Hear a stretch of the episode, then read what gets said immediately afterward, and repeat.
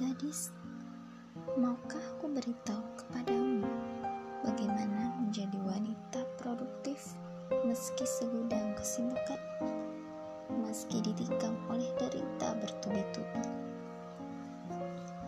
Aku tak sempurna, namun sebisa mungkin aku memilih bahagia untuk terlihat sempurna di mata mereka. Karena kebahagiaan telah cukup melambangkan pernah mengalami rasa sakit yang sangat tapi dengan sigap aku membalutnya dengan senyuman. Berikut ku alesi iman yang masih tersisa di dasar hati.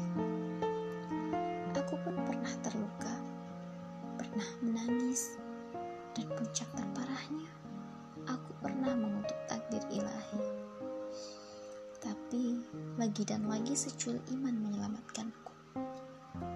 Setidaknya dalam hati kecilku masih tersimpan harap pada Tuhan bahwa semua ujian yang menimpa adalah cara Tuhan untuk mendidikku, menempaku menjadi dewasa dan bernilai di masa mendatang.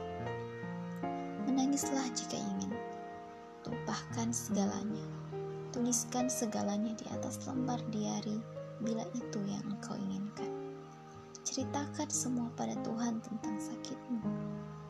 Adukan semua kekecewaanmu padanya.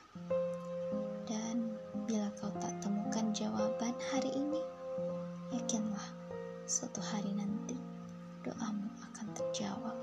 Semua hanya tentang waktu. Meskipun begitu, jangan terbuai dengan kesedihanmu. Biarkan hatimu menahan perih. Tapi jangan biarkan asal sehatmu buntu dan mati. Tetaplah bekerja. Buktikan pada semesta bahwa mereka yang menyinyir akan melihat wanita ini adalah wanita tangguh yang tak lekang oleh sindiran. Teruslah melangkah ke depan, mengumpulkan pundi-pundi kebaikan, hingga segala masa surammu tertinggal jauh di belakang, dan kau sumringah melambaikan tangan.